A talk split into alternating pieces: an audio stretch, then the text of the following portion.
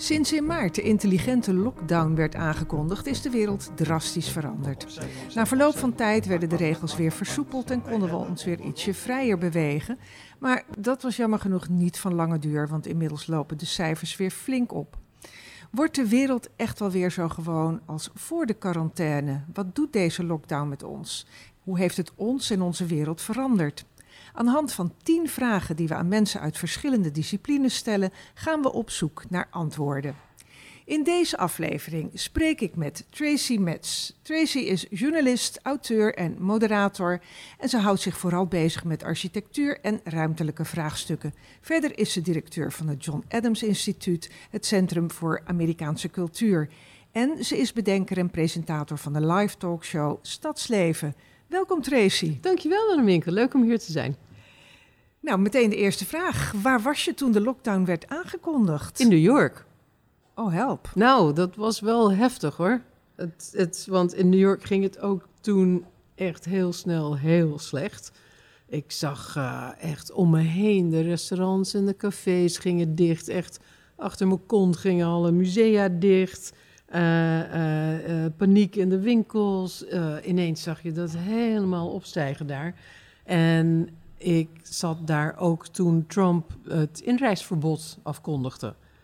En dacht ik, oh nee, heb ik echt een slapeloze nacht gehad. Ik dacht, als er geen vliegtuigen mogen komen, dan gaan er ook geen vliegtuigen weer terug. Nee, en wanneer zou je, uh, zou je nog lang blijven? Of was je nee, ik zou twee dagen daarna nog uh, teruggaan. En dat is ook gelukt. Het vliegtuig ja. ging gewoon zoals gepland. Maar wel uh, met, ik denk, een derde van de mensen die erin hadden zullen zijn. Ik had ineens uh, drie stoelen voor mezelf.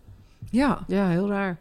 Ja, maar ik was zo blij dat ik eruit kon. Ja, inderdaad. Want, ja, New York is natuurlijk altijd leuk, maar uh, niet maar, tijdens de lockdown. Nee, en het ging daar ook helemaal niet goed Het ging natuurlijk. daar helemaal nee. niet goed. Dus ik had echt het gevoel dat ik net op tijd ontsnapt was. Ja.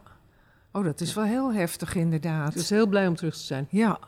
Ja, en hoe verliep toen jouw ophokplicht? Tja, ik durf het bijna niet te zeggen, omdat ik, uh, uh, nou zeker omdat ik geen kleine kinderen heb, waar je uh, mee opgesloten zit en helemaal gek van wordt. Um, mijn werk voor John Adams kon gewoon doorgaan met het plannen al snel van online events. Stadsleven is twee keer heeft moeten stopgezet worden. Dat was heel erg jammer. Maar ja, het was mooi weer. We mochten fietsen. Er was nog eten in de winkels. Er was zelfs toiletpapier in de winkels. dus voor mij was het een soort uh, uh, gedwongen verlof, zeg maar. Ja. ja, voor mij helemaal niet slecht. Nee, nou ja, het grappige is, iedereen zegt, ja, ik durf het bijna niet te zeggen, maar ik vond ja. het wel fijn. Ja. En je kon nergens naartoe. Je nee. hoeft ook niet te kiezen of je het je te excuseren. Nee, je hoeft je nergens schuldig over nee, te voelen. Nee, nee. Je, je moest thuis blijven. Ja, en uh, ik heb die tijd ook gebruikt om uh, uh, door delen van Amsterdam te fietsen die ik niet zo goed kende of die ik lang niet had gezien. Ik heb weer uitgebreid Eiburg bekeken en Nieuw-West en allemaal groengebieden aan de rand van de stad. Dus, um, en het was hier natuurlijk ook niet zo streng als in Frankrijk. Mijn schoonzus nee. woont in Frankrijk. En die, die, die, kon echt letterlijk de deur niet uit. Ze nee. moest een formulier downloaden en, en invullen. En de politie controleerde dat ook. En als je te lang was weggebleven naar de supermarkt, kreeg je een boete. Dat is echt super streng. Zo. Ja. Dus wij hadden hier relatief veel meer vrijheid. Dus uh, ik, uh, ik uh, gooide mijn handen in de lucht en ik liet het over me heen komen. Ik heb heel veel gelezen en bij, veel te veel gegeten. Ik ben wel dikker geworden, dus dat is weer echt niet leuk.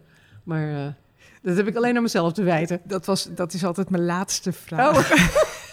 het antwoord is ja. ja.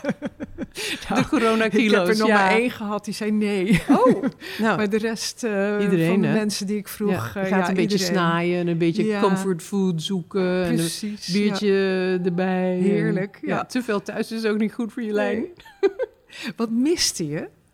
Ik miste de input van anderen.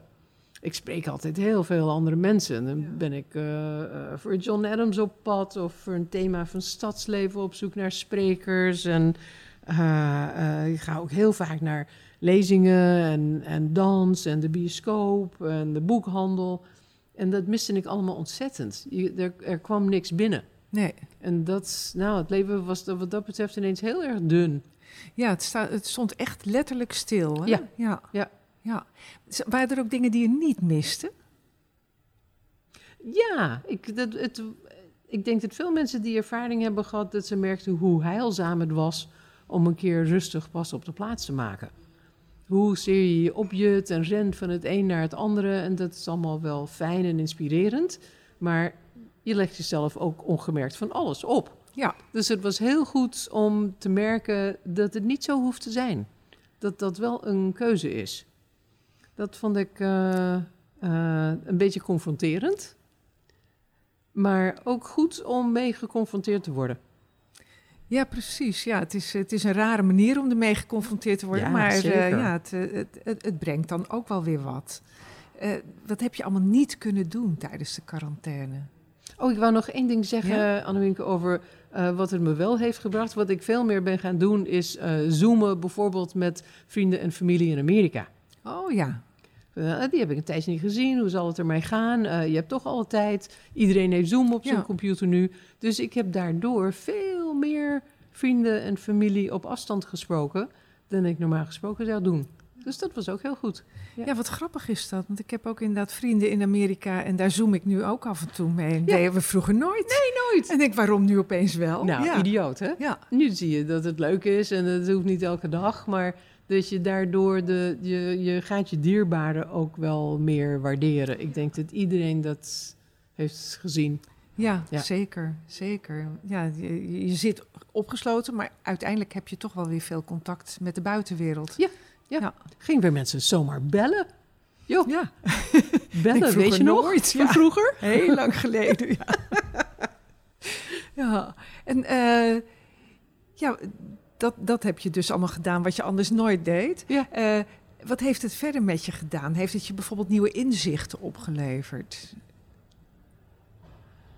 Het heeft me, eh, nou, wat ik net noemde, eh, een nieuw inzicht eh, opgeleverd dat ehm, hoe je je tijd besteedt je eigen keuze is. En dat ik me misschien te veel laat leven door al die leuke dingen die ik zou kunnen gaan doen. Ren ik van het een naar het ander. En nou ja, geef ik mezelf eigenlijk wel de tijd om dat wat ik daar zie of meemaak echt tot me te nemen. Of ben ik alleen maar een soort boeketje aan het plukken van... eh, oh, dit is leuk, dat is leuk, even daar naartoe. eh, Ja.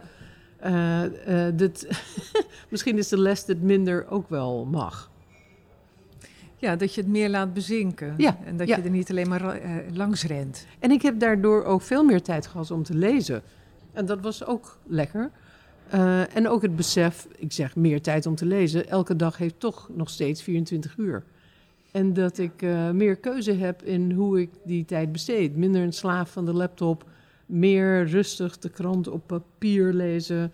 eh, meer boeken lezen. Eh, ik heb veel meer films gekeken dan ik anders zou doen als ik naar de bioscoop ga. Ik heb, oh, dat was leuk. Ik heb iets gedaan wat ik al jaren van plan was. Eh, een van de eerste bekende series op Netflix was The Wire. Heb je ervan gehoord? Ik heb ervan gehoord. Ja, Ja, het gaat over de Amerikaanse stad Baltimore. En de serie is al twaalf jaar geleden begonnen. En eh, Baltimore is echt een eh, treurige stad. Met, er is een fantastische serie in NRC Handelsblad nu van Jutta Gores. Die op campagne is met de kandidaten in Baltimore. Moeilijke stad, veel drugs, veel geweld. En The Wire gaat over Baltimore. En eh, het is 60 afleveringen, vijf seizoenen. Ik heb ze allemaal gezien. En het was fantastisch. Oh, Elke ik- dag één, vaak tip. twee. Oh, hele goede Ja. tip. En het is zo actueel nog. ja, Eh, ook al is die serie eh, twaalf jaar geleden begonnen. en het was een van de meest spraakmakende eerste series... die eigenlijk tot de hele Netflix-host heeft geleid. En wat ook heel leuk was, de bedenker en schrijver van de serie was David Simon. En die is ook jaren geleden gast bij John Adams geweest. Nou. Dus Kijk. alles kwam heel mooi samen. Ja. Maar de, de, de, eh, de rust en het geduld om een lange serie af te kijken, heb ik normaal gesproken ook niet. Nee, nee dus ik, ook ik kan niet. dat. Dat Ja. heb ik geleerd. Ik kan het. Oh, wat goed. Ja. nou, dat is een mooi inzicht, Hey. toch? Ja. En, en hoe zag je toekomst er voor de lockdown uit en hoe is dat nu? Is dat heel erg veranderd? Ehm, ik denk voor mijzelf niet zozeer. Ehm, ik heb me natuurlijk meteen afgevraagd: wat gaat dit betekenen voor John Adams? Want wij hebben eh, geen support van de overheid. Dat zou ik zeker nu niet willen van de Amerikaanse overheid. Nee. Alles komt van sponsors en donateurs. En sommige van hen zullen het zeker moeilijk krijgen. Dus ik ben wel bezorgd. Op dit moment lopen alle contracten gewoon door. Maar er kan voor ons wel een uitgestelde klap komen. Iedereen zegt dat de economie pas volgend jaar echt de grote klappen gaat krijgen. Ehm, dat kan zijn dat dat ook voor ons geldt. En wat dat voor zo'n eh, zo'n stichting gaat betekenen. Ja. Dus dat is nog even zorgelijk. Ja, ja. Ja. en die zorgen die, die hebben we nu even niet. Maar dat kan nog komen. Het kan zijn dat sponsors tegen ons zeggen... nou, fantastisch wat jullie doen, maar we hebben het gewoon niet meer. Nee. Dat is denkbaar. Ja. Dus ehm, Ja, je We weet moeten- natuurlijk ook niet wat het, in, wat, eh, wat het gaat worden in Amerika. nee, Het nee. is ook nog heel onzeker. Maar ons geld komt van hier. Ehm, Oh, dat wel. ja. Ja. dat wel. Maar eh, onze sprekers komen meestal live uit Amerika.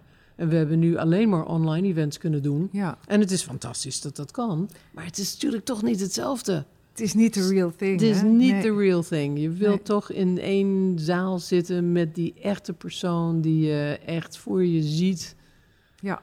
Dus ehm, nou, het, het kan mij niet snel genoeg gaan dat we weer eh, Amerikanen hierheen kunnen halen. We zijn nu wel actief op zoek naar Amerikanen die in Europa wonen. Ja. Ja, dat kan natuurlijk wel. Ja, ja. dat kan wel. Ja, en we hadden ook een spreker, maar die woont in Berlijn. En toen heeft Duitsland Nederland tot code rood bestempeld. Oh ja. En toen toen zei ze, nou, komt niet. toch maar Nee. niet. dat ik even Oh. door die. Ja, zelfs binnen Europa is Zelfs het... binnen eh, Europa is niet alles even makkelijk nu. Nee. Eh, dan een vraag. Als je minister van Cultuur was, wat zou dan het eerste zijn wat je zou doen? Ik zou me enorm sterk maken bij het kabinet. Want ik vind onze minister van Cultuur eh, eh, zich niet sterk genoeg profileren op dit gebied. Al het geld dat ze bij haar collega's heeft weten te krijgen, gaat naar instituten en instellingen. What about de kunstenaars? De kleine makers, die komen kleine er niet makers, aan te pas. Dat, Nee. nee. die zijn helemaal nergens in dit hele gesprek. En natuurlijk vind ik onze instituten ook belangrijk. Maar als er geen kunstenaar zijn, is er ook geen kunst. Nee. Dus eh, dat zij helemaal niet genoemd werden, vond ik, als ik eerlijk ben, schandalig. Ik vond dat heel Dus erg. Echt inderdaad. een grove miskenning van wat kunst en cultuur is. Want dat wordt wel door iemand gemaakt. Komt niet uit de lucht vallen. Nee, zeker niet. En, en het is zo belangrijk dat juist in die grassroots, dat je daar begint met, Ja. met, met dingen te maken. Iemand die in het Concertgebouworkest speelt, die is ook klein begonnen. Die is ook op de muziekschool om de hoek begonnen. Ja. En dan snap ik dat er heel veel instellingen zijn die niet alleen met Nederlandse kunstenaars te maken hebben. Maar de Nederlandse regering heeft wel met Nederlandse kunstenaars te maken. Ja, precies. Dus ik vind dat we echt een enorme steek hebben laten vallen in het ondersteunen van de kunstenaars. De makers, de mensen die dit allemaal, waar het allemaal mee begint. Ja, kan ik het alleen maar helemaal mee eens Ja, zijn. zonde, hè? Ja, zonde. Ja. Nou ja, mijn laatste vraag was eh, of je aangekomen was, maar die had je al beantwoord. Ja, Ja. ja, vreselijk. Dan moet ik het allemaal weer afzien te krijgen. Oh, het is zo'n werk. Ja, Ja. dat is vreselijk. Ik weet het. Ja. Mijn antwoord was dus ook ja. Oh. nou, leed, luisteraar, dit heeft u niet gehoord. Ja. Maar eh, dat waren alle tiende vragen. Oké, nou, eh, nu benieuwd of we naar een nieuwe lockdown gaan, maar eh, laten we het niet Ja. hopen.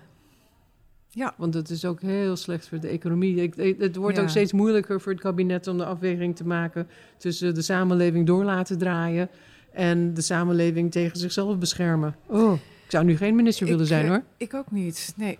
nee, het is een heel moeilijk dilemma. Maar goed, wij hoeven het niet op te lossen. Nee, maar, maar, we moeten ehm, ons er wel aan houden. Eh, wear your mask ja. and wash your hands. Precies. Dat gaan we doen. Dankjewel, Tracy. Jij ook bedankt, Annemieke. We